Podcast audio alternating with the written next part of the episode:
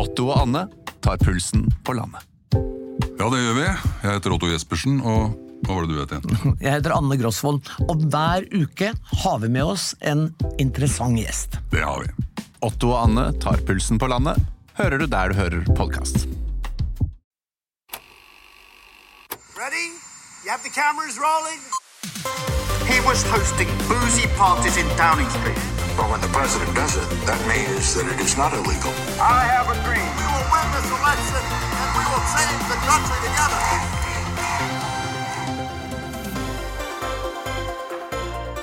Trettebergstuen har i dag valgt å trekke seg som kultur- og likestillingsminister fordi hun har gjort flere svært alvorlige feil knyttet til habilitet. Velkommen. Velkommen, Mitt navn er Sofie Høgstøl, og mitt navn er Eirik Bergesen.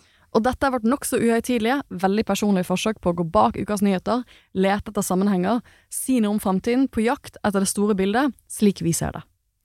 Hver fredag.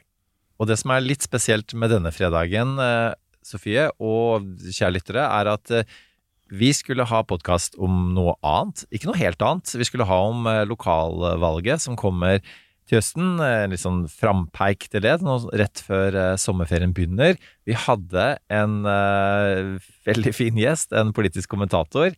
Og idet vi skal til å skru på mikrofonen, så bare sier han hei, vent litt. Eh, fordi da dukker eh, meldingen opp eh, om at Anette Trettebergstuen har innkalt til pressekonferanse. Så han eh, løper ut døra. Eh, Vi skrur på pressekonferansen. Vi har nå hørt på den, dvs. Si den, den pågår fortsatt. Men hennes redegjørelse er akkurat ferdig, og hun trekker seg. Eh, Så tenker vi at dette må vi bare prate om. Eh, Så nå handler eh, denne podkastepisoden ikke om valget til høsten, dvs. Si denne saken påvirker jo valget til høsten, men den handler om tillit til politikere. Vi har ikke forberedt noe på dette her, men du er politiker, jeg kommenterer politikk, og du kommenterer politikk i tillegg også. Eh, Så dette er selvfølgelig et tema som, som vi har i tankene innimellom, men vi har ikke forberedt noe. Allikevel velger vi å, å snakke om det, fordi det er vanskelig å snakke om noe annet. Ja, um, og det på noen måter så henger det jo litt sammen med de tingene vi snakket om forrige uke, for forrige uke snakket vi om um, Boris Johnson, og at han hadde valgt å trekke seg fra britisk politikk, da vel vitende om at det kom en ganske graverende rapport eh, om at han hadde løyet til parlamentet, Ehm, og han trakk seg antageligvis som et strategisk eh, trekk, også fordi da måtte han ikke stå til, stilles til ansvar for den rapporten eh, på samme måte som han ville vært hvis han fortsatt ble sittende, da. Og vi fikk jo se konklusjonen av det denne uken, for på mandag så stemte det britiske parlamentet over om de skulle godta den rapporten. Eh, og de stemte jo, det var jo en del som ikke stilte opp og stemte, men de stemte jo overveldende grad for å godkjenne den rapporten. Eh, og det er jo Det er jo også et sånn spørsmål om eh, tillit, da. Ha- Har man tillit til at han har forklart seg riktig for det britiske parlamentet? Har han oppført seg som man kan forvente statsminister å gjøre? Og 354 eh, valgte å, å godta den rapporten av de stortingsrepresentantene, eller MP-ene, som sitter i det britiske parlamentet. Og det var bare et par som ikke stemte. Eh, og så var det noen politikere som ikke var til stede, som eksempel statsminister Rishi Sunak, for i Storbritannia så kan du sitte og stemme over ting som statsminister. I Norge, når du blir statsråd eller statsminister, så går du ut av Stortinget. Så liksom det, det er jo første sånn, hva skjer nå praktisk? Det praktiske som skjer nå, er at Anette Trettebergstuen er stortingsrepresentant. Det blir du fritatt for når du er i statsråd. Men fra og med, ja, i morgen, da, eller nå, så er hun ikke Jeg antar at de kommer til å vedta dette her i Kongen i statsråd, at hun går av eh, når de utnevner en ny kulturminister. Og da går hun tilbake på Stortinget. Så det betyr at vararepresentanten hennes eh, må finne seg noe annet å gjøre etter sommeren. Eh, de kommer ikke til å møte på Stortinget eh, så lenge hun ikke er statsråd. Mens i Storbritannia så uh, De har ikke den type parlamentarisme, så der kan du bli sittende selv som statsminister og stemme over saker, som jeg syns er veldig, veldig rart. Eh, men Rishi Sunak, som er statsministeren i, Storbritannia, han, han var jo ikke til stede. Han hadde andre ting å gjøre. Eh, og han har da valgt å ikke gå ut og kommentere om han er enig med rapporten osv., for han prøver jo å glatte over disse store fløyene i partiet sitt, i et forsøk på å liksom prøve å komme, komme videre med den krisen eh, som det partiet har vært i. Og det har jo også vært en, en tillitskrise, da. Og så hvis vi da, i og med at vi er en, en pod med internasjonale perspektiver, litt sånn Norge i verden, kan vi hive inn eh, USA, hvor mm. det, det er en åpenbare grunner til mistillit eh, til den eh, tidligere eh, presidenten Donald Trump, og da han satt som president, men hvor man sliter med, med å gi det konsekvenser. Det var to riksrettssaker, riktignok, men eh, ja, de, de ble i realiteten en slags sånn politisk spill for galleriet, så lenge republikanerne bestemte seg for at de skulle eh, frede han nærmest uansett. Eh, fordi det var opprestaurert at, at han var en eh, annerledes type politiker, og det skulle han på en måte få lov til å være som president også. Eh, så, så er jo det noe av grunnen til at det er en enorm tillitskrise i, i amerikansk politikk til politikere.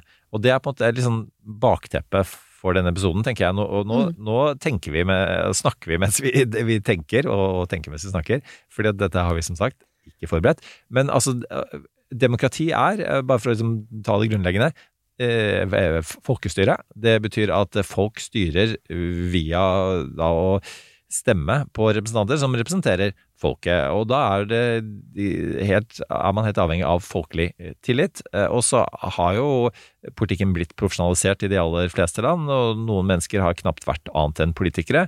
Og da er det vanskelig å bevare både nærhet til folk og tillit fra folk. Eh, Og det har vi også i Norge, da, for å gå tilbake dit, eh, hatt problemer med. Det har vært eh, pendlerboligskandaler, det har vært skandaler rundt reiseregninger, og så kan man også hive inn det at politikerne på Stortinget nå tjener en million kroner, da, som jo er eh, mye mer enn de aller fleste nordmenn gjør. Så jeg tenker at vi det er, det er vanskelig å komme utenom at vi faktisk har en tillitskrise i, i norsk politikk. Eh, Hva tenker du om det utsagnet? Jeg tenker at uh, vi har jo generelt sett nytt et høyt tillitsnivå uh, til politikerne våre i Norge, men at det er, har vært noen meningsmålinger, altså undersøkelser, av holdninger til politikken i etterkant av reiseregningsskandalen, eller godtgjørelsesskandalen, pendlerboligskandalen, eller hva du vil kalle alle disse skandalene som var i fjor og forfjor, uh, og at det har hatt en effekt, da. Um, og det, det handler jo eh, Nå er jeg inne på Store norske leksikon sine sider, og de har sånn to definisjoner av tillit. Den ene er tillit er å overlate noe av verdi til en annen person eller institusjon. Det kan være noe konkret som ting eller penger, eller noe mer abstrakt som fortrolige opplysninger. Det er en form for tillit. Den andre formen for tillit, som nok er litt det vi snakker om her, er jo um, De skriver også at tillit kan også ses på som noe mer udefinerbart og emosjonelt, en opplevelse av at andre mennesker eller institusjoner er betryggende og har med å gjøre eller ikke. Um, og det er jo ofte slik at når jeg er på sånne ja, konferanser om liksom eh, For eksempel, da, når jeg, jeg, jeg nevnte på podden forrige uke at jeg ledet eh, eierskapskonferansen. Og da hadde vi en sånn runde sånn hva er viktig for Norge å navigere inn i den usikre verden vi er i nå? Sånn, hvordan skal Norge posisjonere seg? Og da var jo da var det jo en av paneldeltakerne som sa av tillit. Vi må fortsette å ha den tilliten vi har i det norske samfunnet. Det er det som er som vi Det er det som er det magiske limet som gjør at vi, vi er det samfunnet vi er. Vi er et av de verdens beste samfunn å leve i. Og det tror jeg nok veldig mange vil være enige om, at hvis man skulle liksom prøve å trekke frem én ting som Norge har som ikke så mange andre land har, så er det tillit. Um, og, og derfor er det Derfor har det nok vært litt uroligende for folk. For at vi skal jo ha en av sommerspesialene våre skal jo handle om demokrati og hvorfor det er en demokratisk krise i verden. Vi skal bore litt ordentlig ned i tallene. Men litt av grunnen til at det med tillit er så, er så viktig, da, at hvis du, hvis du mister tillit til institusjonene dine, så deltar du ikke i demokrati. Da ser du ikke poenget med å delta i demokrati på samme måte, og du ønsker kanskje et annet, altså ytterst sett et annet eh, styresett, og du faller, og du, og du er kanskje mer åpen for eh, personer som Trump, da, for jeg, jeg tror en av de tingene som kjennetegner Trump, er at eh, han vil bare fucke opp hele systemet. Det er jo litt av hans plattform. Han skal komme inn og skal han riste hele systemet. Og en av de tingene Trump snakker mye om, og har snakket mye om i åtte år, det er at han skal ta dette ymse embetsverket, disse ymse eliten som egentlig styrer landet gjennom klubber og vennskap og kjennskap. Um, og det, det har vi jo hatt min Altså, den type Vi har jo hatt populistiske strømninger i Norge. Det, det um, Jeg vil jo si at en viss grad av populisme kan jo Vi skulle jo egentlig snakke om Industri- og Næringspartiet, som er dette nye partiet som er en av snakkisene innen lokalvalget. Og jeg vil jo, jeg tror at INP og jeg står veldig langt fra hverandre politisk. Jeg tror hvis du hadde gjort en sånn, gitt meg sånn spørsmål, så tror jeg vi hadde vært nærmest uenige på veldig mange punkter, da. Um, men, men jeg syns jo at INP er et veldig sunt Jeg syns det er veldig sunt når nye partier kommer frem. Eh, de representerer jo de, de, har jo en del punkter, for de mener at en del ting med, fundamentalt med norsk styresett ikke er riktig. Så de, de ønsker større endringer, og det, det, hadde jo vært usunt hvis man ikke hadde partier som også ville endre litt på liksom, måten ting, ting blir liksom, Den vanlige måten vi gjør ting på, da. Men liksom, igjen, denne, denne tillitslimet gjør at vi normalt sett har ganske mye tillit på at ting styres på en sånn ålreit måte i Norge. Eh, men det at du har hatt disse politikerkrisene de siste to-tre årene, det har nok satt det litt på prøve, da. Ja, og, og vi har jo faktisk så høy tillit i Norge, eh, både til eh, politikere, men også til institusjonene, eh, at eh, den har nesten vært for høy. Eh, og du har hatt eksempler på eksempel etter Utøya, da, at tilliten til politiet med god grunn gikk ned. Og så gikk den ganske kort tid, vi snakker om få uker, opp igjen til enda høyere enn det det var før.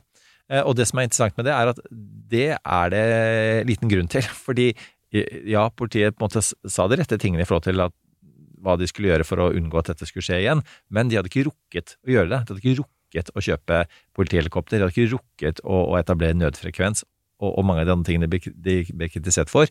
Så vi er faktisk litt for kjappe i, i Norge til å reetablere tillit også når, når den sprekker. Eh, og, det, og, det, er og Jeg skal ikke kalle det for, for naivitet, men det er all grunn eh, til, til, å, til å eh, være kritiske eh, til makta, og det er all grunn til, når, når makta svikter, å la de faktisk få lov til å vise at de er den tilliten verdig igjen. Fordi eh, man, altså, makt korrumperer, er jo dette gamle tesen. Og det stemmer også i Norge. Altså hvis folk med makt ikke Hvis, hvis media svikter i sin eh, oppfølging av eh, politikere, hvis, hvis eh, Stortinget for den saks skyld, med, med kontroll- og konstitusjonskomiteer osv., eh, hvis, hvis forvaltningen, byråkratiet, svikter i sine kontrolloppgaver, altså hele maktfordelingen da, i samfunnet, hvis, ikke den, hvis den kommer i ubalanse på en eller annen måte, så, så vil eh, politikere ta seg eh, til rette. Det, det er all grunn til å eh, bruke god tid på å diskutere pendlerbolig osv. Det er all grunn til å diskutere dette med, med lønn. Um, Godtgjørelse det, på, alle, ja. på, alle, mulige det er, måter. Det er tillitsverv. Det er en grunn til at det heter tillitsverv. Mm. Uh, sånn at det, uh, og, sånn at det og, men, men, igjen, da. I, i Norge har vi et, et, det er veldig annerledes fra USA og veldig annerledes fra, fra Storbritannia. Det er iallfall all grunn til å konkludere med det. Ja, for jeg har jo kollegaer på Institutt for samfunnsforskning som for noen år tilbake skrev en hel rapport om liksom, De gjorde en hel studie sånn Dette var før pendlerboligskandalen, um, da. Men de skrev en rapport som heter 'Norske lokaldemokratiets legitimitet, tillit, deltakelse og ulikheter'. For det, det, at du har tillit, det henger jo sammen med deltakelse. Du, um, og deltakelse er grunnsten i et demokrati. For at du skal ha reelle demokratiske valg og reelle demokratiske systemer, så må folk delta. Hvis du ikke deltar, så, du, så, så, har du ikke lenger et fungerende demokratisk system. Og for å kunne delta, så tenker man jo at da må man ha tillit til at det man faktisk er med på å bestemme, har noe å si. At det, noe, at det gir noe mening å delta i valg. Og der fant de jo at, uh, at det er gjennomgående høy tillit til det politiske systemet uh, i Norge. Um, og at dette gjør oss igjen litt forskjellig fra uh, en del politiske systemer eh, som vi ellers kunne sammenligne oss, eh, sammenligne oss, med. Så det er mye, på det tidspunktet mye tillit til det politiske systemet i Norge. Det tror jeg det er generelt sett. Jeg tror litt av grunnen til at eh, For det er nok mange som har fått med seg først Jeg tenkte jo ikke at vi skulle snakke om Tonje Brenna og um, en del av disse styrevervsakene som har kommet, eh, kommet denne uken, da. Til dels fordi jeg personlig er jo vara til Stortinget, og en av de pers personene jeg er vara for, sitter i kontrollkomiteen og nå er jo den saken eh, opp for kontrollkomiteen, og da syns jeg, jeg det er uryddig og eh, ikke riktig å kommentere en sak som jeg i teorien, da, og det er jo bare en teori, jeg håper at Grunde er superfrisk og møter på Stortinget hele høst, men i teorien kunne, kunne, kunne måtte stille og ta stilling til, da. Og da er det ikke ryddig å sitte og snakke om den i andre type eh, kanaler, for det at eh, det skal være en viss ryddighet rundt en kontrollkomitéhøring om et spørsmål eh, ja, om et spørsmål som går på, på, habiliteten til en statsråd. Så jeg hadde ikke tenkt å snakke om den saken, men vi kan jo snakke mer generelt om Ja, for vi skal av den grunnen Ja, ikke, ikke gå konkret inn på det, Nei. annet enn at det er greit at du også nevner at det er en annen sak som vi vi har diskutert, eh, eller media har diskutert denne uka. Ja, for det, det, uken startet jo med denne nyheten kom. Um, Tonje Brenna velger å gå ut med saken selv. Uh, og, og så etter hvert som uken går, for det er jo litt sånn det er jo litt det som skjer, da, at når du først har en sånn sak som går på habilitet knyttet til utnevning av verv som departementet Vi er et lite land i Norge, Eh, og det er jo Vi har ganske mange eh, forskjellige typer verv som tildeles av departementene. Eh, om det er å sitte i et offentlig utvalg, eller om det er å sitte i et styre til en statlig eid bedrift. Det det er jo mange forskjellige typer verv som eh, departementene i Norge eh, er med på å oppnevne, og du har jo vært i et departement, du, du har jo sikkert vært på innsiden av noen sånne prosesser. Mm. Uh, og det, det Jeg tenkte jo med en gang um, Jeg tenkte jo med en gang uh, denne saken først kom, så tenkte jeg at nå kommer enhver journalist, eh, gravejournalist i Norge som jobber med politikk, til å begynne å grave seg gjennom de siste, eh, de siste utnevnelsene for alle departementene, for å se om det er noen andre navn der som peker seg ut, hvor det kan være mulige habilitetsspørsmål. Eh, og det tok ikke lang tid. Eh, var det Innen onsdag så var det allerede Nettavisens sak om Anette Trettebergstuen og noen styreverv som hun skal ha, ha vært med på å utnevne, og spørsmål knyttet til hennes habilitet, og så har det tydeligvis dukket opp én til sak i løpet av de siste 24 timene, da, ehm, som går på et styreverv til eh, Operaen. Som nå gjør at Trettebergstuen har tydeligvis snakket med Jonas Gahr Støre. Vi kommer sikkert til å få litt mer forståelse for hvordan den prosessen har vært, og, øh, og valgt å trekke seg. Altså, um, nå nevnte du den saken du kan ikke gå inn i detaljene på. Nå skal jeg nevne en sak jeg ikke kan gå inn i detaljene på. For da var jeg, som du sier, eh, på innsiden i UD som, som departement, da, eh, bestilt overfor eh, daværende utenriksminister Jonas Gahr Støres vennskap med skipsreder Felix Tschudi. Det er kanskje en del som har glemt den saken nå, det er en stund eh, tilbake. Han var også ute og sa den gangen at selv om de var venner, så mente han da at vennskapet ikke var nært nok da, til at han var inhabil. Og det, det var snakk om en sånn tildeling eh, av eh, støtte til eh, nordområdene. Og, og, det endte da, som, som vi kan huske tilbake, at Støre ikke måtte gå av. Men, men det var jo en en vanskelig sak for han, og det er jo selv om man ikke må gå av, eller, eller at man, man selv føler at man har gjort det meste riktig eh, i vanskelige farvann. Som du sier, at Norge er et lite land. Vi er venner med mange. Og, og, og altså ehm, Jeg flyttet jo tilbake til Norge for ti år siden, og, og ble sjokkert over egentlig hvor lite sånn, en del av de sirklene er Du har jo nevnt dette noen ganger. før. Sant? Ja. og, det, det er og det er jo klart, vi er ikke et land med 320 millioner mennesker som er i USA. Når det skal sies, så kan jo, jeg tror amerikanske elite også til tider føles- veldig lite ut på toppen. Men vi er, vi er et land med fem-seks millioner mennesker. Det er eh, eh, Det er mange verv som skal bekles. Det er klart at jeg tror for meg Jeg merket at jeg ble litt preget av pressekonferansen Anette Trettebergstuen, for man kan som medmenneske tenke at dette her Man kan skjønne seg Man kan skjønne hvordan noe sånt skjer, uten at man hadde noen intensjoner om å gi venner fordeler eller gjøre noe galt, så kan man forstå at i en, eh, en statsråddag som som jeg tror er ekstremt hektisk, og man skal, utnevne, man skal oppnevne masse forskjellige ting, eh, så blir dette en liten sak sant, som man får, og så tenker man ikke så mye over det. Og så tenker man at, at eh, så, man, så har man kanskje ikke som hun sa på pressekonferansen selv, ikke helt skjønt hvordan habilitetsreglene funker, for de er jo også litt sånn Jeg husker første gang jeg leste de når jeg satt i universitetsstyret, så tenkte jeg sånn, dette er jo For da hadde vi av og til habilitetsspørsmål med styremedlemmer. Og dette er jo ganske sånn litt, Det føles litt løst, da, litt sånn diffust. Hvor nære er for nært? Liksom, sant? Nå skal du ta en egen vurdering, alle disse tingene her. Eh, så jeg, jeg, jeg føler at eh, Jeg føler at det rev litt i medmennesket når, når jeg så på den pressekonferansen. Uh, for jeg har jo veldig sans for Anette Trettebergstuen. Jeg syns hun har vært en dyktig statsråd. Uh, jeg tror hun virkelig brenner for norsk kulturliv og norsk kulturpolitikk. Um, og jeg syns også det jeg, har veldig mye respekt for å um, å ta ansvar og gå av. Jeg tror kanskje det er en av de tingene kanskje, altså, som vi kanskje ikke er flinke nok til Norge av og til. Det at av og til ikke sant, så skjer det, går ting litt skeist. Uten at man har hatt lyst til å, å, å gjøre noe veldig galt, men av og til så går ting galt. Og da har jeg veldig respekt av folk som sier sånn 'Dette var feil. Dette burde jeg ikke gjort. Nå tar jeg ansvar. Jeg går av.' Uten at det blir en lengre prosess. At man bare at, altså, Det er jo Ja, det jo, kommer sikkert til å bli en diskusjon om eh, om hun, om hun burde ha gått av, eller om, var, liksom, om hun kunne bli sittende og alle disse tingene. Men hun tok en egen vurdering, som jeg, i alle fall jeg synes, det, det, som står seg, ut ifra det vi vet rett etter pressekonferansen, da.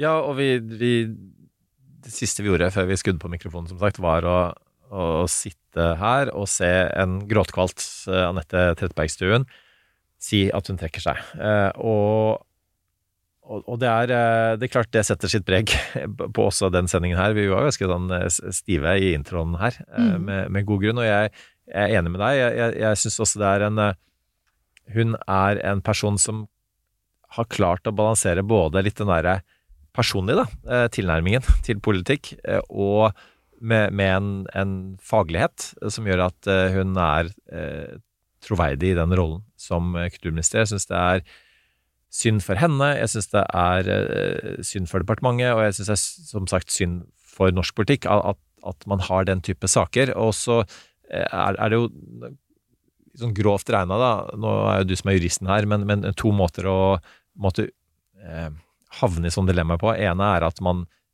ikke vet bedre, at man, er, man er omgitt med, med, folk som man er eh, venner med, vennskapelig med, som er også gode styrekandidater til diverse verv. Og så er det hvis man selv på en måte skal utnytte seg av det, og da er vi litt sånn tilbake til USA igjen, hvor, hvor man skal tjene penger på ting, man skal uh, oppnå politiske fordeler um, med å krysse disse grensene. Og det er lite som, som tyder på at noen av de habilitetstilfellene her uh, er det. Men vi kan legge til dette med, uh, hvis vi legger til dette med, med pendlerboliger og reiseregninger, så var det litt annerledes, for da var det snakk om økonomiske fordeler. Eh, og, og, det førte til også, som, la oss minne oss selv om det, at selveste stortingspresidenten, eh, Eva Kristin Hansen i Arbeiderpartiet, gikk av.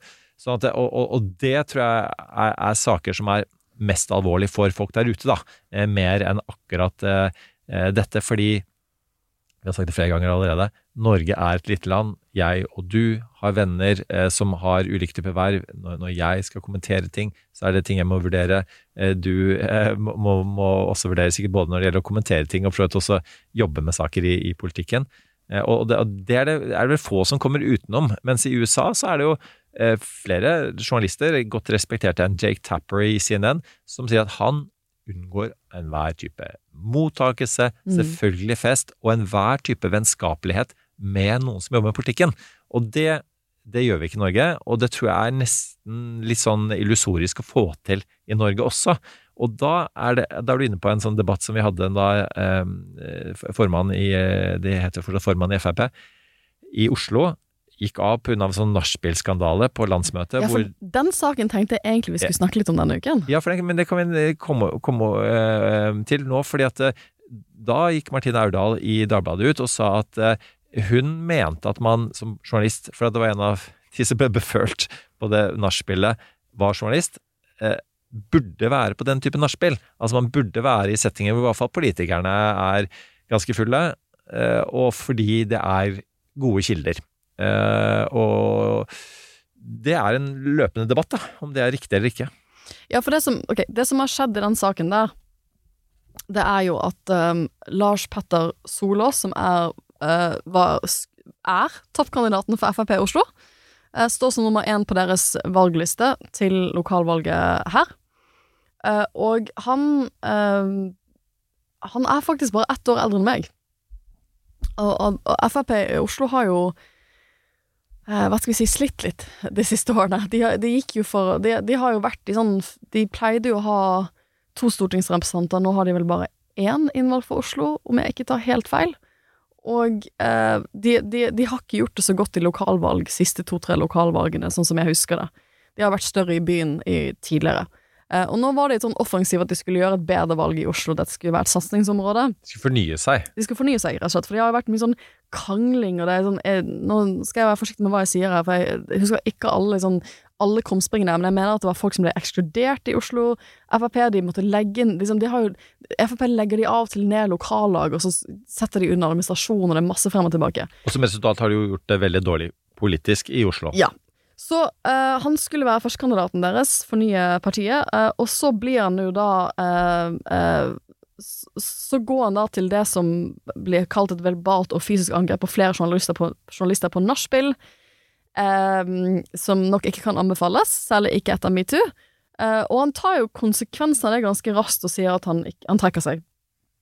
Har ikke lyst til å stå på listen.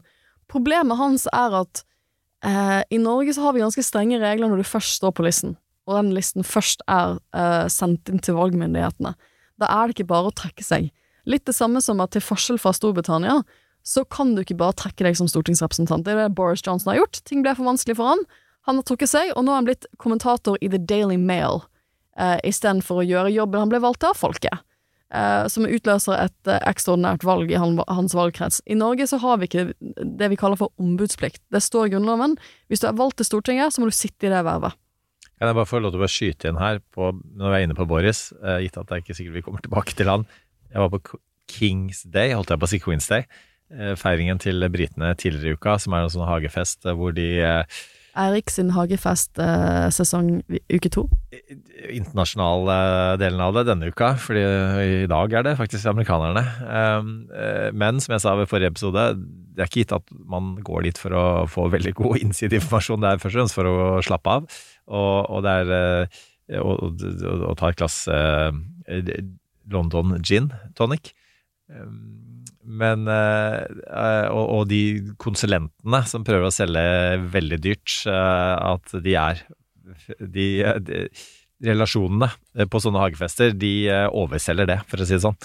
Um, men uh, Nei, og så, var vi inne på, på Boris, eh, og så var det en um, brite, skal ikke nevne navn, men som sa en um, med kunnskap om den prosessen, som sa bare at eh, det er bottom of the barrel når han går til eh, Daily Mail.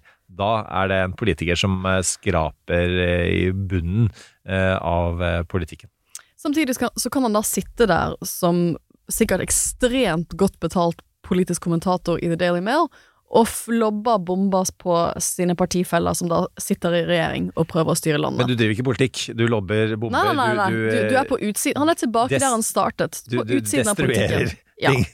Eh, Kan jeg også få lov til å nevne, for dette blir jo en veldig alvorlig pod-episode med, med god grunn, men et, et litt muntert øyeblikk, da, kan jeg nevne det også, var eh, da jeg ble stående med eh, som dagens overraskelse på Kings Day, eh, når da, eh, som dukker altså opp da eh, ambassadøren, som eh, om hun er i 40-årene, vet ikke, hun ser ut som hun er i 40-årene, ganske ung. Eh, veldig morsom. Begynner med å si at eh, for en fin anledning til å diskutere trade statistics eh, med dere i denne talen.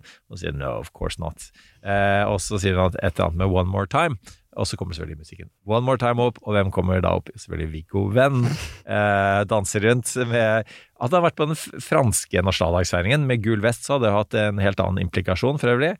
Um, men um, de gule vestene han har på, er, er ikke noe politisk. Tvert imot. Men jeg blir da stående med Viggo Venn, han tok nå runden, uh, og så diskuterte vi uh, dette med mingling på fest. Eh, og så nevner jeg, eh, av alle ting, Jonas Gahr Støre, som har da vært hos Bærum og Beyer, Norges Ja. mest hørte eh, podkast, og snakket om blant annet mingling i politikken. Eh, fordi det er sånt man må gjøre når man er på Nato-toppmøter osv. Som Johan Gahr Støre sier i den episoden, når man ikke er EU-medlem, så må man mingle. Og så kan du si at de demokratiske konsekvensene av at eh, norske relasjoner til EU handler om at Støre og andre, deres evne til å mingle eh, på fest, det, sånn skal det ikke være.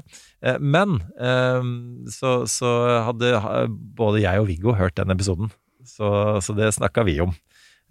Og, fordi, og, det- handler litt selvfølgelig om, om at det er, altså, en type vennskapelighet, en type sånn personlige relasjoner, det er jo en del av politikken også. Så det er jo ikke unaturlig at politikere har personlige relasjoner rundt omkring. Og er du kulturminister, så skal du kjenne en del mennesker. Eh, du skal ha vært på mottakelser og eh, etterfester osv. med en god del mennesker, og, din person, din personlighet, har faktisk noe å si. Så det er kanskje et spesielt vanskelig område å, å navigere akkurat eh, det feltet som, som Anette Trettebergstuen har vært leder for. Ja. Um, men hvis vi spoler tilbake til uh, ehm, denne Frp-politikeren, for det som ble klart denne uken, det var at Så han, han tar konsekvensen av det han har gjort på dette nachspielet. Vi kan jo bare tenke oss hva det kan ha vært, men han tar ansvar for det og vil trekke seg fra listen. Problemet er at uh, unlike Boris, så kan ikke han bare trekke seg fra en liste. Den listen har blitt levert inn til valgstyret i Oslo, og er godkjent som listen til Frp. Og det er her det blir litt teknisk. Så nasjonalt så finnes det en frist for når du kan trekke eller endre en liste.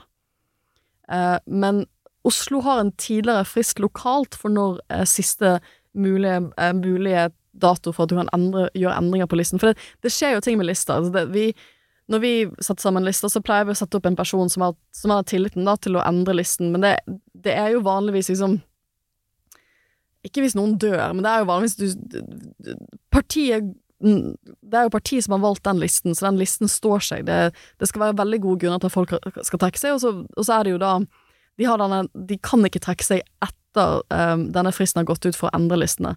Og det gjør han. Eller han prøver å trekke seg etter fristen i Oslo har gått ut for å endre listen, men ikke etter den nasjonale fristen har gått ut. Og da bestemmer uh, Oslo Eller da, da, har de møte om dette i Oslo, uh, i bystyret, og bystyret støtter at han kan stryke seg fra listen. At han kan trekke seg fra listen. Uh, men så er det noen som klager på dette vedtaket, og jeg, jeg skulle gjerne litt, likt å vite hvem det var som klagde, for det, det er ikke nødvendigvis Frp-folk som har klagd det. Det kan godt være at det er politiske motstandere også, og sier at nei, nei, nei, dette er ikke i tråd med valgloven. Sånn, fristen for å trekke seg fra listen har gått i Oslo. Du kan ikke endre det eh, med tilbakevirkende kraft nå, fordi at det ikke passer i denne enkeltstasjonen. Eh, så da går klagen til eh, Kommunaldepartementet, som har ansvar for valgloven, og de sier nei, det kan du ikke. Du trekker deg Dette skjer etter endelig frist for å endre listen i Oslo har gått, og du kan ikke da trekke det etterkant. Så han blir da tvunget til å bli førstekandidaten um, for Eller tvunget og tvunget, han, han blir da fortsatt førstekandidaten for Frp i Oslo. Um, og det kan jeg skjønne at veldig mange syns det er veldig rart, for kan, da har du en person som har mistet tillit, for det er jo tillit vi snakker om, som har mistet tillit i partiet sitt, blitt ekskludert, og har lyst til å trekke seg selv. For det var jo et spørsmål i noen uker, kan partiet hans tvinge han til å trekke seg? Det kunne han ikke ha gjort, men han velger å trekke seg selv, og på grunn av disse valglovreglene så kan han ikke gjøre det. Jeg kan skjønne at det virker rart, men det er jo også for at sånn, det er jo, vi er litt harde i klypen, føler jeg, en del andre land, og det er at hvis du stiller til valg, og du har samtykt samtykket å stille til valg, og du står på den listen, så kan du ikke trekke deg etter en viss type frist, for da er valget i gang. Forhåndsstemmingen begynner snart. Da er, da, er, den, den valg da, da, får, da får Frp ta konsekvensen at de har en ekskludert førstekandidat. Og det, det, er ikke første gangen det får den type konsekvenser, eh, heller ikke nå i nyere historie. Eh, Ulf Leirstein, tilfeldigvis også Frp, eh, tilfeldigvis også eh, seksuell trakasseringssak. Eh, han kunne da ikke trekke seg fra Stortinget, men han trakk seg fra gruppen til Frp, ble en slags uavhengig representant. Eh, fram, han satt fram til eh, nå siste eh, valg. og så har du også Christian Tonning Riise, som unge, var unge Høyre-leder, også en seksuell trakasseringssak som også blei sittende. Eh, og det er jo spesielt både altså alle omgivelser, men også for representantene og for øvrig, da, å, å, sitte videre. Eh, og det er ganske tøff kost på mange måter, for ja. det, det, vi Jeg satt jo i valglovutvalget, som jeg nevnte en del ganger på poden før, uh, som skulle skrive en ny norsk valglov, som nå er vedtatt. Den, ikke, den kommer ikke til å, å, tre i kraft før ved stortingsvalget. Um, men jeg føler at i det utvalget der vi brukte tre år, så diskuterte vi alt. Vi hadde opprivende diskusjoner og krangler om hver minste lille ting. Men en av de tingene det var ganske stor enighet om i utvalget, sånn som jeg husker det, det var dette med ombudsplikt. Det var ingen stemning i, um, i um, utvalget for å, å, endre Grunnloven på det punktet der. For som den så står det da i Grunnloven at uh, at hvis du først er valgt inn på Stortinget, så uh, har du plikt til å ta imot valget. Det står det i Grunnloven 63 alle som blir valgt til representanter, har plikt til å ta imot valget. Med andre ord, du kan ikke være sånn nei, har ikke lyst likevel.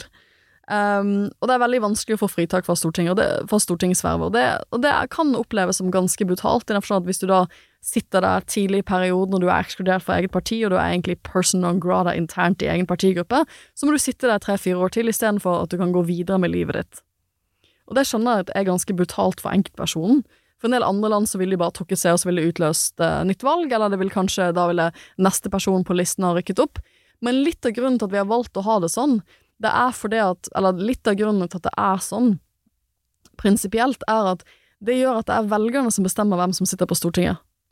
Det er deres stemme som teller. Eh, det er ikke så stor Det er ikke noe slingringsrom i Norge for at eh, man kan presse en representant til å si fra seg vervet sitt. Um, og på den andre siden, så eh, jeg, jeg tror jeg har sagt det før, men jeg observerte et valg i Albania en gang, som valgobservatør. Og en av de tingene som hadde skjedd før vi kom, uh, før det valget vi skulle observere, var at en rekke folk på toppen av listen, nesten alle partiene, så hadde liksom de toppersonene eh, på listene, de hadde trukket seg og bare sluttet. De gadd ikke mer. Så da hadde du endt opp med masse folk i jeg tror det var i parlamentet som da ikke egentlig Det var ikke, det var ikke de personene noen egentlig stemte Det var ikke toppkandidatene, det var ingen navn folk kjente igjen. ikke sant? Jeg er veldig imot at man bare skal kunne slutte et topp Det fremste folkevalgte vervet man har, because you feel like it. Det er ikke sånn det funker. Det til, du har faktisk bedt om folks tillit. Du har fått det i et valg, og da må du sitte perioden ut, selv om det kan være ganske tøft. Eller som man kan risikere at noen får en, måte en, en bedre jobb, eller Ja. bedre betalt, Ja. eller bruker nesten det, det vervet i et parlament som et springbrett til en karriere, bedre betalt karriere f.eks. i businesslivet. Eh, Og det er jo ikke bra, hvis vi får en sånn svingdør. Så det, er jo gode grunner til at det er sånn, men, men det er og blir Altså, du som er jurist og skal lage lover og regler rundt dette her, burde ikke eh, Nå spør jeg deg normativt, og ikke deskriptivt. Eh, Burde ikke reglene vært litt annerledes, når du har på en måte såpass graverende personlige saker som gjør at eh, altså Når vi snakker om altså midt, vi er midt i metoo, så er det ikke bra at du har folk som blir sett på som metoo-overgripere, som sitter på Stortinget. Jeg vil, ja, det, min kommentar til det er at i USA, for eksempel, hvor du også kan trekke deg, så hadde man tilfeller av personer som antageligvis trakk seg for tidlig. De trakk seg, Franken. ja, de trakk seg av massiv altså medieoppmerksomhet, og de så ingen annen utvei, så trakk de seg. Eh, og så er det ofte ikke de riktige personene som trekker seg. De står i det. Ja, fordi, og, og, det er vi, vi trenger ikke være mer partiske enn at vi da sier at de- demokratene var eh, ganske skyggeredde, eh, og som gjorde at eh, Al Frankenson representerte Han var senator. eh, senator i Minnesota, eh, eh, trekker seg ganske kjapt etter eh, noen bilder og noen anekdoter eh, kom til offentligheten, mens, mens andre Ja, og sånn, han- republikanerne har blitt sittende gjennom Men eh, ganske mange Han, han fyren fra New York som har blitt valgt inn til representantens hus, som har løyet om alt, han kunne også trukket seg. Det gjør han ikke. For folk som han trekker seg ikke. Ja, sånn- nei, men, han, men nå er han jo eh, under etterforskning Ja, og men han er, tiltale og fortsatt, alt han er fortsatt representant i Representantens hus. Det har ikke endret seg. Så jeg, men, men det er jo klart, det er- vil alltid være slagsider ved å gå for et sånt system. George Sånn, Santos. hvert, hvert eneste system her har sine svakheter. Eh, men vi har da valgt har ombudsplikt. Det litt sånn. Finnes ikke perfekte lover? Det fins ikke perfekte lover, det Det fins ikke perfekte systemer. Um, jeg, men jeg, jeg, jeg har tvilt meg fram til at det er riktig, for jeg var liksom kanskje litt mer usikker for da jeg satt i utvalget, men nå har jeg virkelig tvilt meg fram til at jeg tror at det er riktig at man, at man, må, at man faktisk har plikt til å bli sittende, for jeg syns ikke at man skal ta på seg stortingsverv. Um, eller for så vidt lokalpolitiske verv. I lokalpolitikken er det litt lettere, for hvis du flytter, så kan du få fritak. Så er det litt lettere å få fritak fra kommunestyret, for eksempel, enn det er på Stortinget. Men jeg, jeg mener at hvis du først skal stille til valg, be om folk stiller til og får den gjennom stemmer, så skal du faktisk stå hele løpet ut. Selv når, ting, selv når det blir vanskelig. For Hvis ikke så burde du ikke stille til valg, tenker jeg. Det er, Så jeg eh, er blitt hardere i klypa enn jeg var for fire år siden.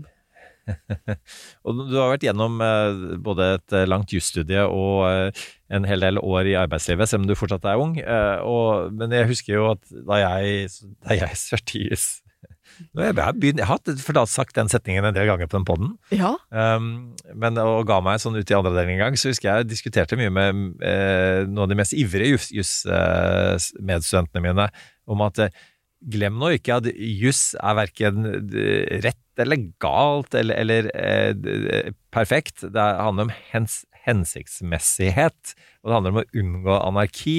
Eh, og det er, eh, de er jo det er jo derfor man har er det syv rettskildefaktorer, eh, inkludert eh, tolkning er en av de.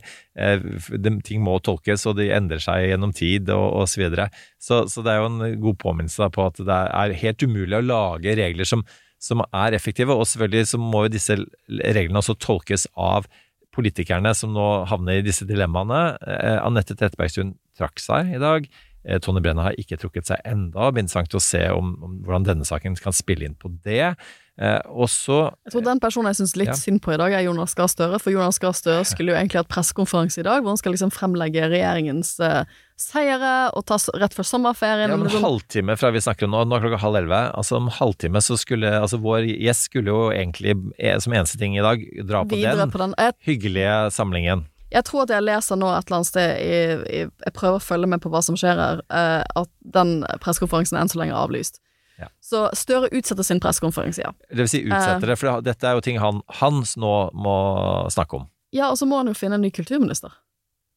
Så, så han får ikke sommerferie. Jonas får ikke reise på sommerferie i kveld. Uh, vi, vi, du ser han nok heller ikke på den, uh, på den amerikanske ambassaden som har festen sin i ettermiddag. Jeg antar at han har uh, han må, han, må, han må jobbe. Han må jobbe videre. Kronemarked hos Bar. Nå har vi en mengde varer til 10 og 20 kroner. Hele denne uka får du løbiff fra Folkets før 54,90, nå kun 20 kroner. I tillegg får du et utvalgt Vasa knekkebrød, før fra 16,90, nå bare 10 kroner. Alltid tilbud på noe godt. Hilsen oss i Spar. En annen sak som vi skal liksom bredt gå med etterpå tillit, som jeg syns har vært veldig spennende denne uken, er Hunter Biden-saken i USA. Um, og jeg antar at mange av lytterne våre har fått det med seg, men Hunter Biden er jo sønnen til Joe Biden, og han har jo vært Hva skal vi si? Han har jo vært familiens sorte får i mange år. Uh, det, det er jo ikke noe um, hemmelighet at han har hatt store rusproblemer, at han har slitt. Uh, han, men han ble jo da under valgkampen uh, i 2020, og for så vidt før valgkampen, brukt veldig mye av uh, republikanere som en sånn kampsak om at liksom, ble vi ble etterforsket for alle tingene, men se på Hunter Biden. Har han ikke egentlig Altså, for de som virkelig har fulgt med lenge på amerikansk politikk, så vil dere huske at um, den første riksrettssaken mot Trump omhandlet jo Zelenskyj. Det var da jeg, du og jeg begynte å bli kjent, Eirik. Mm.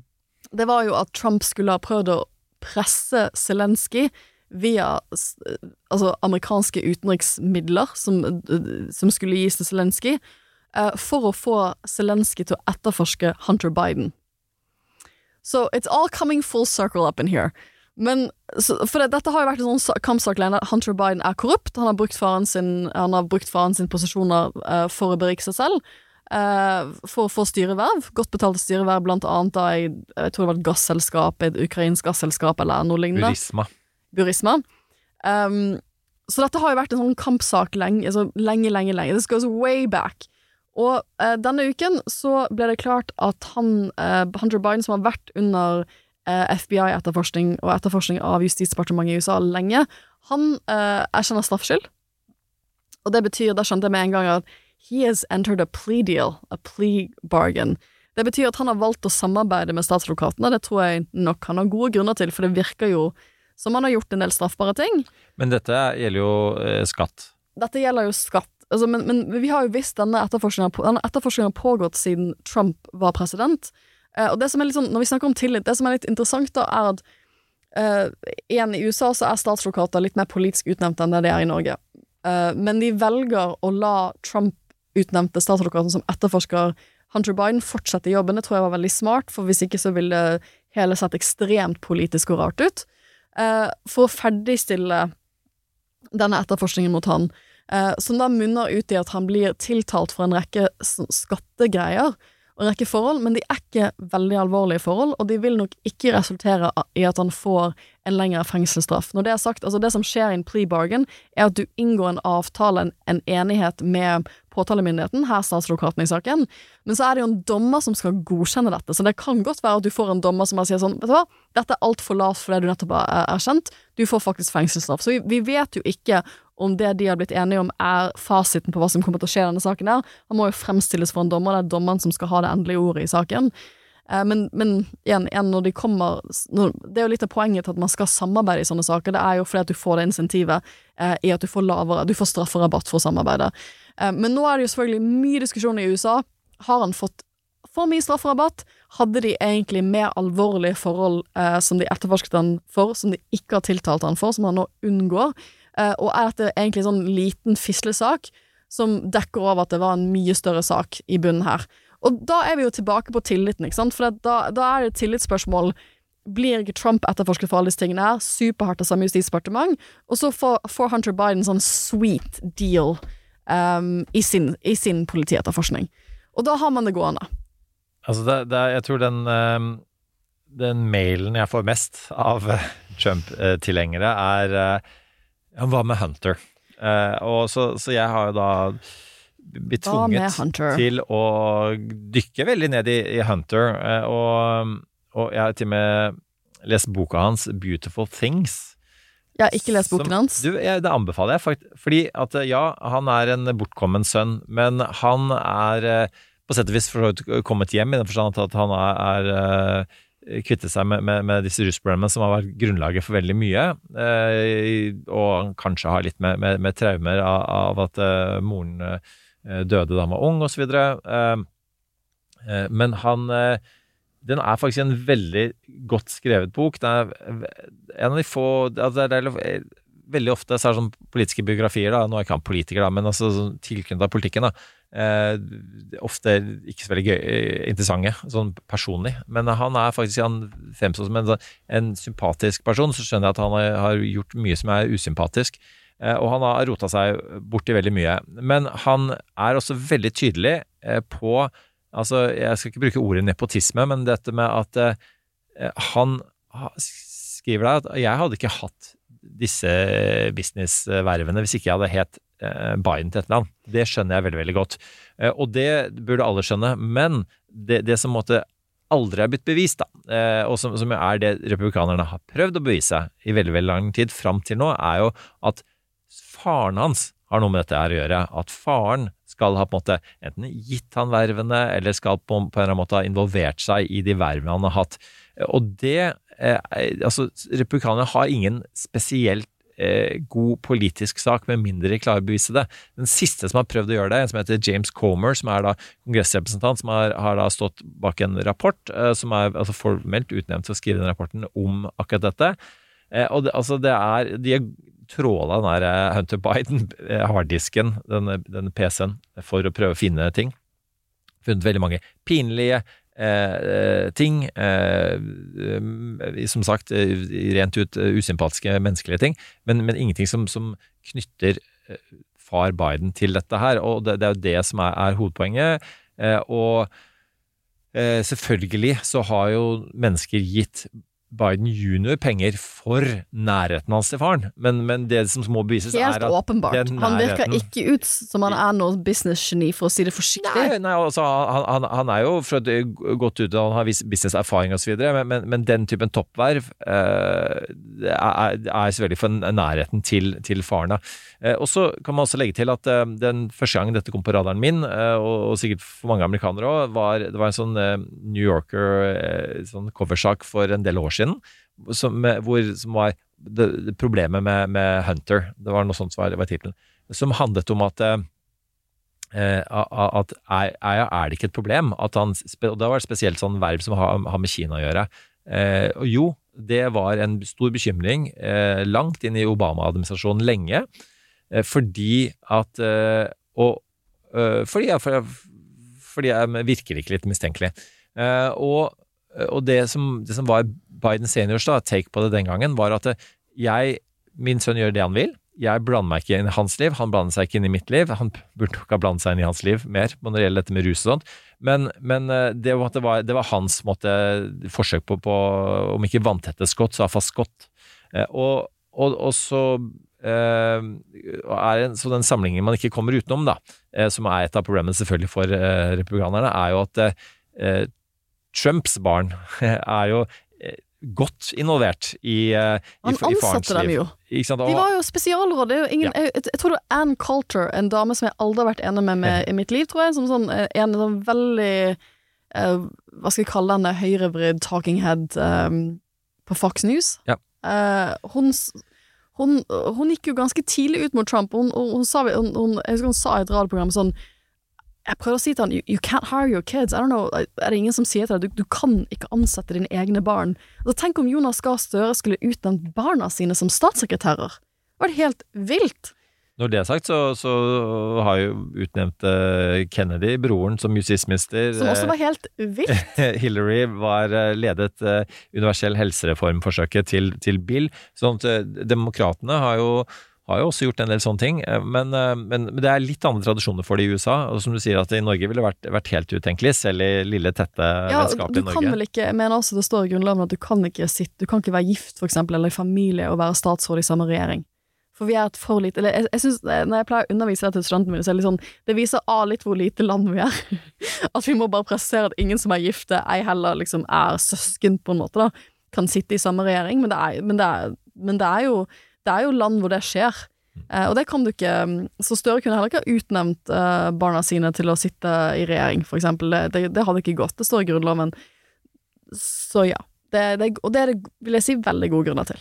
Men altså, når det er sagt, så vi, vi snakker jo om på en måte familiedynastier i, i norsk politikk. Liksom Stoltenberg-familien er, er jo en av de, um, med, med, med Torvald og, og Jens. Og vi har åpenbart, eh, altså selv om man prøver ikke å, å, å på en måte sitte eh, i posisjoner samtidig, eksempler på, på ektefeller og og, og, og søsken osv. Som, som opererer innenfor politikken da, eh, i Norge. Ja, Og, det. og, det, og det, er jo, det er jo all grunn til å, å, være åpen om det, se det nøyere i kortene.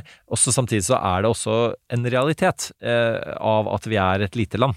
Eh, og sånn at man, man, Dette er jo ting man, man må navigere fortløpende, og det, og det vil være mennesker som, som eh, for evig alltid vil synes at dette er så mistenkelig at eh, de mister tillit eh, til, til systemet. systemet. Og, ja, og hvis du legger til Altså, man blir eh, altså man blir så konspiratoriske da, at man fra Trumps verden at, at man på en måte eh, velger en, en type, en Trump-type for å drain the swamp.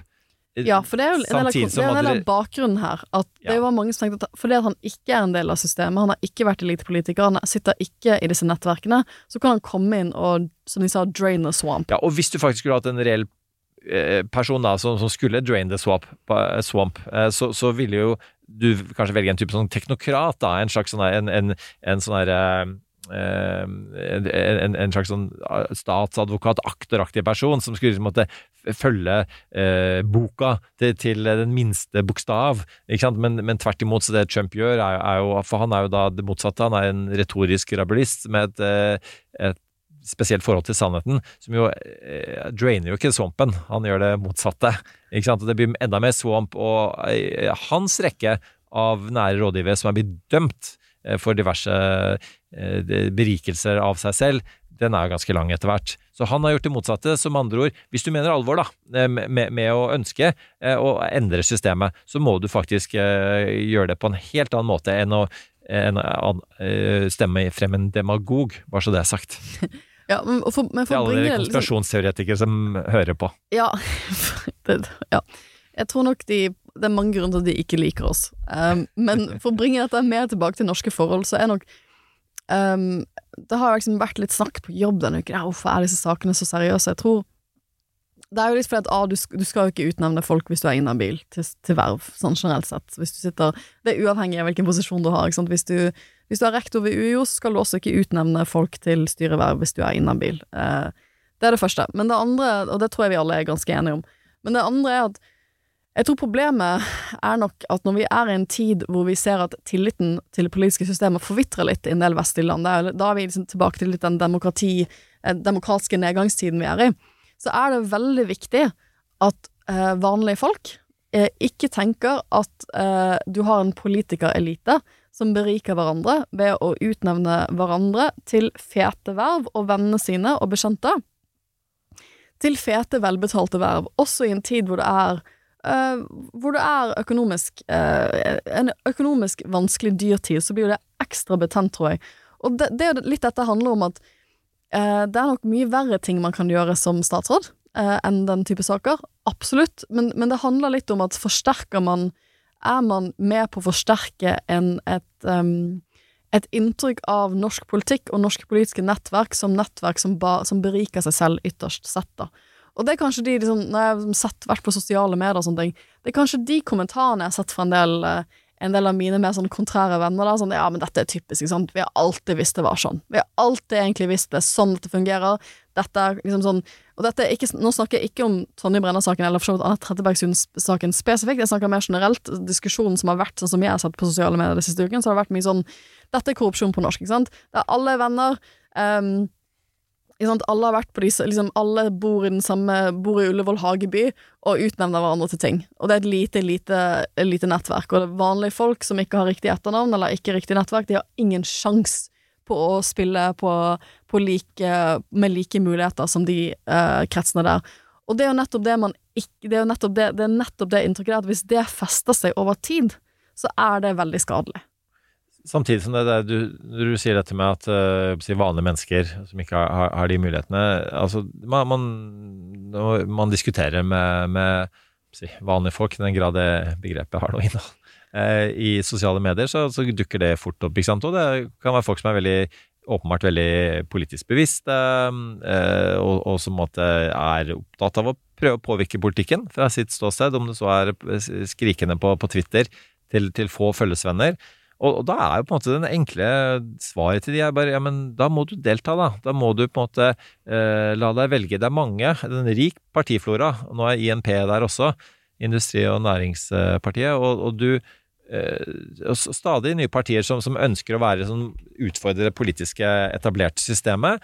Eh, og du kan, du kan eh, lage deg et demonstrasjonstog, og du, du kan du kan prøve å påvirke, du kan skrive kronikker, og det er, det er, ikke, det er ikke, sånn at det er en boble som lukker ute um, vanlige folk. Og det, og, det, er sånn på måte det å stå utenfor og skrike uh, at, at man beriker seg selv. Vel, du har noen eksempler på det, men, men som system så er det, er det, jo vi igjen, vi er et lite land. Det er fullt mulig eh, å markere seg politisk i dette landet her. Det er fullt mulig å påvirke. og Det tror jeg også er viktig å si til folk som er nærmest i sånn eh, ja, fatalistiske da, i forhold til dette her, at, at det, det, er feil. Det, det, det, stemmer ikke at man ikke får lov til å være med å påvirke ting hvis man, eh, hvis man eh, ønsker det. Og, og, du må jobbe deg frem til eh, toppverv i dette samfunnet her. ja, og, absolutt. Et, Ingen venner dytter deg frem alene. Det jeg prøver å liksom Det jeg ofte prøver å si til folk, er at altså Hvis du har lyst til å stå på en Hvis du stiller opp på et venstremøte ikke sant, og, og, har lyst til å plutselig stille til valg for partiet, så er i mange, mange deler av landet så er veien latterlig kort for at du viser det engasjementet til at du, blir, at du står som toppkandidat et eller annet sted på en liste. Eh, at du plutselig er du førstekandidat til stortingsvalget, og så er det bare sånn Hva skjedde nå? Sånt skjer, ikke sant, for vi er et lite parti. Um, du ser jo at det, det partiene egentlig driver med nå, det er at de har brukt de siste månedene på å desperat forsøke å stille lister i alle landets kommuner. Eh, det var en sak i NRK i dag om at det er et sted hvor det, det er en kommune hvor det bare er en SV-liste og en Arbe Arbeiderparti-liste, og folk som har lyst til å stemme Høyre, skjønte ikke helt hva som skjedde. Det er jo fordi at det er ikke nok folk som, som kunne stå der. Du har et minimumsantall personer du må ha på en liste for å kunne stille liste, da, og det har de ikke hatt. Eh, så igjen, hvis noen der hadde brent for Høyre, så hadde det vært gode muligheter for ikke bare ikke bare engasjere seg i Høyre, men å være førstekandidat til Høyre. Og det er jo litt det fantastiske med norsk demokrati. Mitt, liksom, min erfaring er jo at det er veldig kort vei til å melde seg på sitt første møte, og så komme politiske forslag som faktisk har ganske stor gjennomslag. Og jeg har jo erfaring fra et mindre parti, men mitt eh, inntrykk er at også de større partiene så er man så på utkikk etter, etter personer som har lyst til å ha verv, lyst til å engasjere seg. Eh, så det, liksom, mitt inntrykk er jo at det er ganske sånn igjen, Fordi vi er et lite, vann, så er, lite land, så betyr jo også at det er ganske korte veier når du først ønsker å engasjere seg. Ønsker å engasjere deg. Problemet er jo at færre og færre personer engasjerer seg i partipolitikken aktivt. Og Det skal vi snakke mer om eh, en annen gang, men, det, men det, er jo, det, er jo, den tillitskrisen jeg virkelig går rundt og bekymrer meg aller, aller mest for. At det er ikke nok personer som, um, som er aktive i partipolitikken, som gjør at politiske partier ikke speiler befolkningen, for de blir en snevrere og snevrere og snevrere gruppe mennesker, og det er også sin egen form for tillit. For meg er det også en egen form for tillitskrise. Mm. Eh, Jeg tenkte jeg skulle eh, ta- opp én sak til, eh, sånn på slutten her. eh, Og, og, som også for, Hvis vi snakker litt om det, hva, okay, hva, hva skjer nå videre? f.eks. Med Anette Trettebergstuen, som jo da er 42 år, har sittet på Stortinget siden hun var 24. Altså, hun uh, har antageligvis uh, hatt uh, lyst til å være statsråd, har lyst til å på en måte være med og påvirke ting veldig tydelig fra toppen lenge, og så går hun nå av. Og selvfølgelig en, en, en, et stor personlig nederlag på mange måter. Men betyr det at, at hennes politiske karriere er over? Eh, nei. Fordi eh, Audun Lysbakken-saken tenkte jeg skulle vi kunne bare komme inn på også, som jo da var eh, Friend of the pod. Eh, Ja, Friend of the Pod også. Eh, og Friend of the Club. Altså, da mener jeg Ja, Brann, snakker og ikke om, den når vi snakker politiske om eliteklubben. de skjulte elitenettverkene i Norge, så er jo du en liten klubbmann. Sånn fritidsklubb. Altså, ja, men sånn er det. Sånn er det. Du, du står plutselig på tribunen sammen med Audun eh, Lysbakken eh, og Heikki Holmås, og, og, men, men heier på Brann, og ikke diskuterer eh, eh, Riksrevisjonens eh, siste rapport. Eh, og og det, det er fint at det finnes sånne arenaer òg. Men og, det handler også om å være åpen om det, i den grad det er nødvendig. Men Nei, altså, han, han var barne- og familieminister og går av fordi han eh, Hans departement eh, på hans vakt, det var riktignok nåværende eh, partileder Kirsti Bergstø, som var statssekretær og ga de pengene til en sånn selvforsvarsgruppe som hadde visse relasjoner til, til SV. Og, og går av, men blir altså skal få rekkefølgen riktig, blir valgt som partileder i etterkant Mm. av dette. Kommer åpenbart tilbake både som eh, eh, statsråd og som en eh, viktig eh, norsk eh, politiker, til han da nylig gikk av som partileder, men fortsatt sitter på Stortinget. Eh, og, og, og det er mulig å gjøre det hvis du går av på en ryddig måte. Du tar det ansvaret. Saken ikke er for alvorlig. Det dreier seg om en habilitetsspørsmål som du ikke har vurdert godt nok. Eh, så er det eh, tilgivelse å få. Og hvis du hiver inn en litt annen type sak, da, men eh, eh, Syve Listhaug, som eh, også gikk av som statsråd eh, eh, det- var den her berømte Facebook-meldingen om, om Arbeiderpartiet og terrorister. Eh, også en sånn litt annen type sak, men kommer da tilbake og blir eh, partileder også eh, seinere. Så det er tilgivelse i norsk politikk, og begge de to sakene er eksempler på, på saker hvor de eh, fortjente å få den tilliten igjen, tenker jeg. Og det også, å, å, å rydde opp er en viktig del av det å skulle få tilgivelse. Du kan også legge til Hadia Tajik, som da gikk av som nestleder, og det var en pendlerboligsak, som nå er tilbake i politikken. Vil si hun satt jo fortsatt på Stortinget, men meldte seg til tjeneste som nestleder, og ble det ikke. Og det er jo et eksempel på at den tilliten ikke var eh, i, um, ja, hun hadde fått den tilbake fullt og helt, men, men det er ikke gitt at hun uh, aldri kan bli verken nestleder eller leder. Ja, jeg, jeg tror også folk har sans for personer som sier vet du hva, jeg, nå gjorde jeg en feil. Dette, dette var feil, dette burde jeg ikke gjort. Jeg tar ansvar for den feilen. Jeg tar konsekvensen av det, og, så går jeg av. Jeg, jeg, tror at, jeg tror de aller fleste av oss skjønner at, eh, at politikere som alle andre ikke er ufeilbarlige, og at i en krevende jobb så kommer man til å gjøre feil. Spørsmålet er jo her som ellers i livet hvordan man håndterer de feilene man gjør, eh, og hvordan man møter de feilene. For tillit kan jo alltid gjenvinnes hvis man eh, møter de feilene man har gjort på riktig måte. Det, det er jo også, jeg tror noe av det viktige i det norske samfunnet er at eh, f- for det at vi er et tillitssamfunn, så er det også et samfunn hvor det går an å gjøre feil og komme tilbake igjen på alle nivåer, ikke bare i politikken. Og det mener jeg sånn, vi, vi snakker jo mye om sånn polarisering.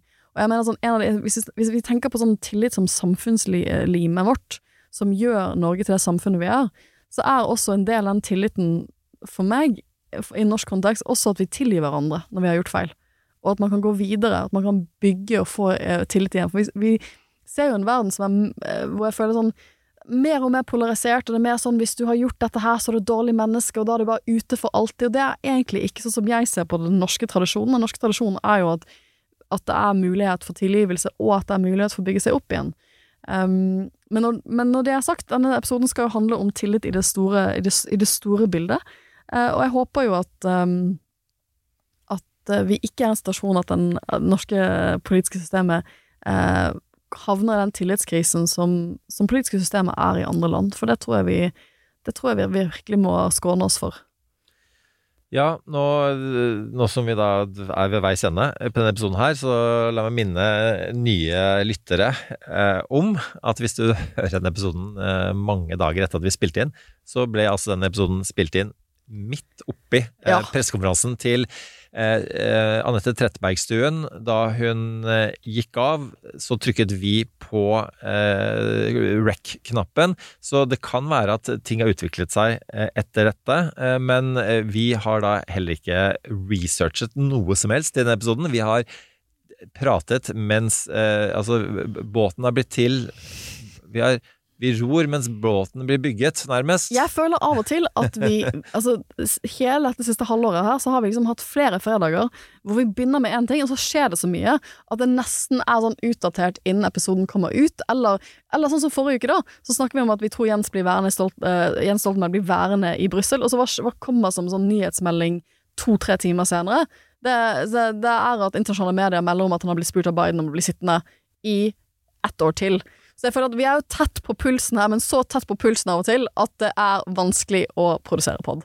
Og heldigvis denne episoden så var det Elin Sørsdal som var aller tettest på pulsen og, og spådde det som ble utfallet. Og eh, bare senest i går kveld så var jo Ben Wallis, eh, Storbritannias utenriksminister, trakk seg. Mm. Som jo er kanskje den siste ja, Trakk seg og trakk seg. Jeg føler det er sånn, Han har fått beskjed om at han ikke er aktuell. Exactly. Uh, så, det, så, så fikk, og det er en ærlig sak. Ikke sant, så fikk han uh, så, så, ble det enda tydeligere at, at det blir Stoltenberg. Selv om Stoltenberg fortsatt hardnakket hevder at det ikke blir han. Det er litt sånn typisk norsk politiker òg. I den grad jeg ønsket, så kan jeg stille meg Jeg melder meg ikke på av e egen viten og vilje.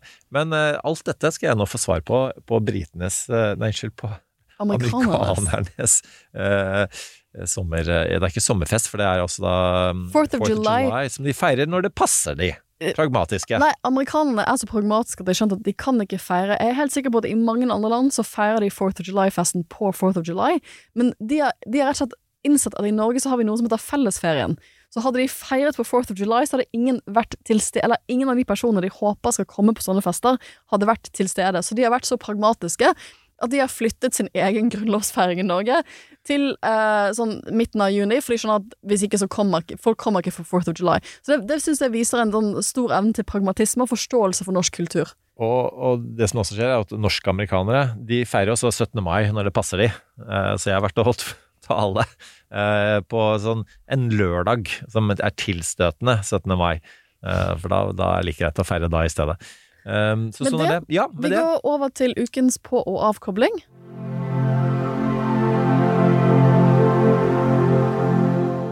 Ok, gode lytter. Jeg merker at jeg føler i dag så føler jeg at har vi ikke gjort dette før for denne uken? For vi har jo spilt inn episoder tidligere denne uken, for vi har spilt inn sommerepisoder. Så jeg, sånn, jeg merker at jeg er sånn vilt, litt sånn vilt forvirret. Har vi ikke allerede hatt samtaler om disse tingene? Men vi har jo ikke det. For denne episoden som kom ut i dag. Um, og da må jeg komme opp med nye ukens på-avkobling. Og eh, min avkobling denne uken, har ikke sett den helt ferdig ennå, er noe overraskende. Det er noe overraskende at jeg skal innrømme at dette er min ukens avkobling, men det er um, Netflix' nye dokumentarserie om Arnold Schwarzenegger, som er, ligger ute på, på Netflix nå. Oi. Og den er Jeg syns det er så spennende. Det er på noen måte en sånn unik amerikansk historie, som da ikke er amerikansk all den tid Arnold jo er fra Østerrike. Men altså, for et liv den mannen har levd. Det, altså, det tar liksom Jeg visste ikke at han hadde vært i militæret. Det tar liksom Det, det tar oss gjennom his origin story. Um, og det, jeg syns det er bare utrolig fascinerende. Og det, jeg syns det var vellagd og utrolig, utrolig, utrolig fascinerende. Innblikk i en mann som det slo meg liksom kommet frem til da han blir politiker og blir valgt osv. Jeg hadde helt glemt at han blir valgt i et spesialvalg. Og han gjør et stort nummer av at hvis jeg, hvis jeg, skulle stille til et normalvalg og bli guvernør, så hadde jeg aldri vunnet The Republican Primary. Jeg hadde aldri blitt valgt av det republikanske partiet, det måtte jeg ikke. For det at um, det ble et spesialvalg utløst at folk var så sur på den sittende guvernøren at de gjorde noe særamerikansk. They recalled him, altså de tilbakekalte valget. Det har vi heller ikke i Norge. Um, og da ble det ny valg, eh, og da, han, og da måtte han ikke ha god Da måtte han jo bare betale summen for å komme seg på stemmeseddelen, og så vant han det. Uh, og det er en sånn unik uh, skikkelig, skikkelig, skikkelig unik historie om en mann som er et sånn pop-ikonisk kult, kulturikon, men også da har vært en veldig Hvis du er guvernør i California, så leder du jo verdens Hva er det syvende største økonomi eller et eller annet? Altså, Femte største. Femte, det, er jo, det er jo 44 millioner mennesker eller noe sånt. Det er, det er helt vilt stort. Uh, og jeg tror også Jeg, jeg satt og tenkte på det da han um, Han stiller jo fra utsiden, kommer liksom på utsiden fra partiet, men hadde vært litt involvert Han hadde jo det blir også skyldig, Han hadde jo fått verv fra George W. Bush, var stor fan av Reagan osv. Gift med en Kennedy. Gift med en Kennedy, så han var ikke en eh, Han hadde, han hadde sånn politiske interesser, men eh, han kunne jo aldri stilt som presidentkandidat. Men hadde han gjort det, så kunne han kanskje ha slått Trump. Veldig godt poeng. Jeg tror at uh, Arnold Schwarzenegger er den beste republikanske Mm. presidenten USA aldri fikk. Ja, Fordi han ikke var født i USA. Jeg tror, Da hadde han jo sannsynligvis stilt i 2016. Han er egentlig den perfekte sånn hybriden av celebritet eh, og eh, Altså, altså med, med god grunn. Han er, ikke, han er ikke kjent for å være kjent. Han er jo kjent for å ha lagd eh, filmer som har eh, truffet en folkelig nerve, eh, men, men også da også har utretta mye bra som guvernør. Og, og, og ikke bare er California en av verdens største økonomier, men den er også måte veldig innovativ når det gjelder altså grønn vekst. og Um, og spesielt, De har vært helt ledende når det gjelder altså, elbiler og, osv., som det er knapt å se andre steder i USA enn i California. Jeg, jeg tror at hvis han hadde stilt som en moderat republikaner for California i 2016, så tror jeg han kunne vunnet. Ja. Jeg tror han kunne slått Trump. Ja. Jeg tror han, han er jo uh, han, han har jo mye av det samme som Trump har spilt på, bare han er virkelig self-made. Arnold is actually self-made. Det er jo ikke Trump. Så det var, det var en sånn veldig sånn fascinerende skildring av noen som kunne blitt eh, som, Da ville verden sett veldig annerledes ut, tror jeg. Gøy at du anbefaler den. Jeg har også fått den anbefalt av min tenåringssønn, men det er mest fordi han har bra sånn tips til sånn eh, Kroppsbygging. kroppsbygging. Jeg tok veldig lite kroppsbyggingstips ut av det, annet enn at det så ekstremt, ekstremt slitsomt ut. Men han er um, Jeg, jeg har også gledet meg til å se den, så bra du anbefaler den. eh, for jeg er sånn usikker på hvor- eh, eh, hvordan den var. Men eh, altså eh, han er, Arnold Schwarzenegger er sånn guilty pleasure eh, som en sånn eh, politisk idol, fordi han eh, Jeg har jo kost meg med de eh, talene han eksempel hadde da han var eh, eh, guvernør, og jeg kan anbefale én. Hvis du bare søker på Schwarzenegger og girly men på YouTube, så får du opp et sånn klipp av, av han som er Det er, det er faktisk på republikanernes eh, partikongress, hvor han snakker om økonomien, og så sier han at eh, We will not be economic girly men. Og jeg synes det, det er sånn der Det er jo selvfølgelig helt feil på mange måter å si. Altså sånn jentete politikk, er det det jeg sier? Eh, men, eh, Men han, han greier altså, å komme han- unna med med det. han kommer unna okay, med å si sånne ting. Det er det Alle ingen andre som har skjønner det. hva Arne Schwarzenegger mener han snakker om girly men. Eh, og, så, eh, er det en sånn annen favoritt jeg har. Jeg vet ikke om den er, er kommentert på i, i den dokumentaren, men han har innrømmet det selv i ettertid. At det er sånn her, eh, hvor han, han får et sånn veldig vanskelig spørsmål, apropos habilitet, faktisk. Det er, det er et eller annet sånn herre no, no, En vanskelig spørsmål om habilitet som ikke han var forberedt på, som han får på lufta, og da er han med fra Link i California, så er det, det heter Meet the Press, en av disse her eh, viktige eh, TV-programmene. Eh, og så og så har han ikke godt svar, så han skylder på at, eh, at Hei, nå falt du ut. Jeg, jeg, nå hører jeg ikke, og så driver han fikler med øreproppen sin. Og jeg, sorry, det fikk jeg ikke, fikk ikke tak i hva du sier nå. Og, og sier det et par ganger, og så må da intervjueren gå videre. Tjuvtriks. Um, så det er eh, og, Men så er det litt, interessant at han innrømmer det, da. At det var faktisk det som skjedde. Han innrømmer masse greier. Han er ganske åpen. Mitt favor en av mine favorittscener er at han, han røyker sigar mellom mange av disse tilbakeblikkene når han intervjues i nåtiden. da. Og så kjører han en tank. For han var tankkjører i militæret i uh, Østerrike, så han har kjøpt seg en tank. Og den kjører han mens han røyker sigar. And you're like, I don't even know. This is, dette er bare Det er ingen andre. Det er ingen andre som kunne gjort noe sånt. Og du blir Ja, nei. Det, han, er, han er unik. Eh, Men hva, men hva er det du, hva ja. er det du eh, har Altså, jeg, jeg hadde faktisk egentlig forberedt, eh, fordi vi hadde som sagt forberedt en helt annen episode om eh, lokalvalget. Jeg hadde forberedt en del podkaster, politiske norske, eh, som man kan høre, som har hatt flere gode episoder nå om lokalvalget. Så det skal jeg vente med, for vi skal, skal se om ikke vi klarer å smette inn en sommerspesial eh, om, om valg i seg selv. Ehm, og at vi kan få med han som egentlig skulle være gjesten vår i dag, til det. Så jeg skal gjøre noe annet, som jeg heller ikke hadde forberedt, i likhet med resten av programmet vårt i dag. Og det er eh, nok en roman.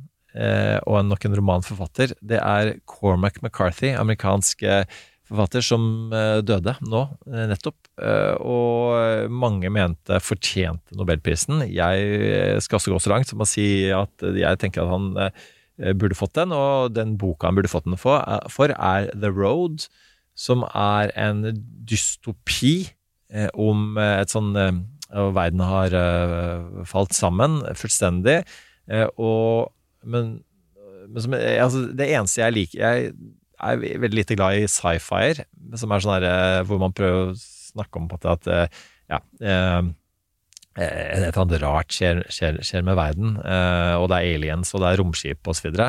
så men, men- men når man på en måte lager eh, sci-fi hvor man bare endrer en bitte liten ting ved mennesketilværelsen, f.eks. at det er miljøkatastrofe som gjør at eh, folk ikke har tilgang til næring, eller at, eh, at alle som eh, José Sarmago blindness, at alle blir blinde, eh, altså, og, man snakker om menneskelig natur, da. Eh, og, og det er the road. Altså en av typen miljøkatastrofe som gjør at uh, mange dør, og, eh, og noen overlever, og hvor tøft det er å overleve, og menneskelig godhet, menneskelig ondskap osv. En helt fantastisk roman. Uh, og, også, og grunnen til at jeg uh, også nevnte han, er at den, en av de andre fremste bøkene hans heter Blood Meridian, og den driver jeg og leser nå denne uka her, etter at han da ble etter han døde. Og, og den er sånn, det er en sånn cowboy- og indianerhistorie som er kjempebrutal, den også, om menneskelig natur. Eh, og de to går for å være hans eh, beste, så jeg anbefaler The Road aller mest, men Blood Meridian nå er eh, altså ellevilt eh, godt skrevet eh, av både amerikansk eh, menneskenatur og amerikansk natur. Og med det, kjære lytter, så har vi endelig kommet til veis ende. Til neste uke så skal vi komme tilbake, sterkt tilbake med eh, en, en eh, episode som kanskje er planlagt, får vi håpe, hvis ikke nyhetene springer helt fra oss nok en gang. Eh, vi koser oss som sagt veldig med å spille inn disse sommerepisodene. De kommer til å bli vel Altså, vi spilte inn den første på tirsdag, og jeg fikk helt gåsehud av hvor god den samtalen var. Um, så tusen takk for innspillene vi har fått på hvem vi skal ha som sommergjester. Vi har prøvd å innfri de på best mulig måte. Uh, og så lyttes vi til neste uke. Eirik? Nå skal vi puste ut. Jeg føler at vi har holdt pusten i nesten en time. Du har i hvert fall jeg sitter og sett deg nå. Du, Ja. eh, vi har oppdatert oss fortløpende på den saken mens vi har prata. Um, og du er jo involvert i dette her, på sett og vis, som deltidspolitiker. Så uh, nå skal vi uh, fortsette å finne ut av hva den saken innebærer, og den saken vil fortsette å rulle gjennom helgen. Og tillit til politikere uh, er jo evig, ruller evig og alltid i et demokrati. Med det, ha en uh, flott helg og en fortreffelig neste uke. That's enough. Put down the mic.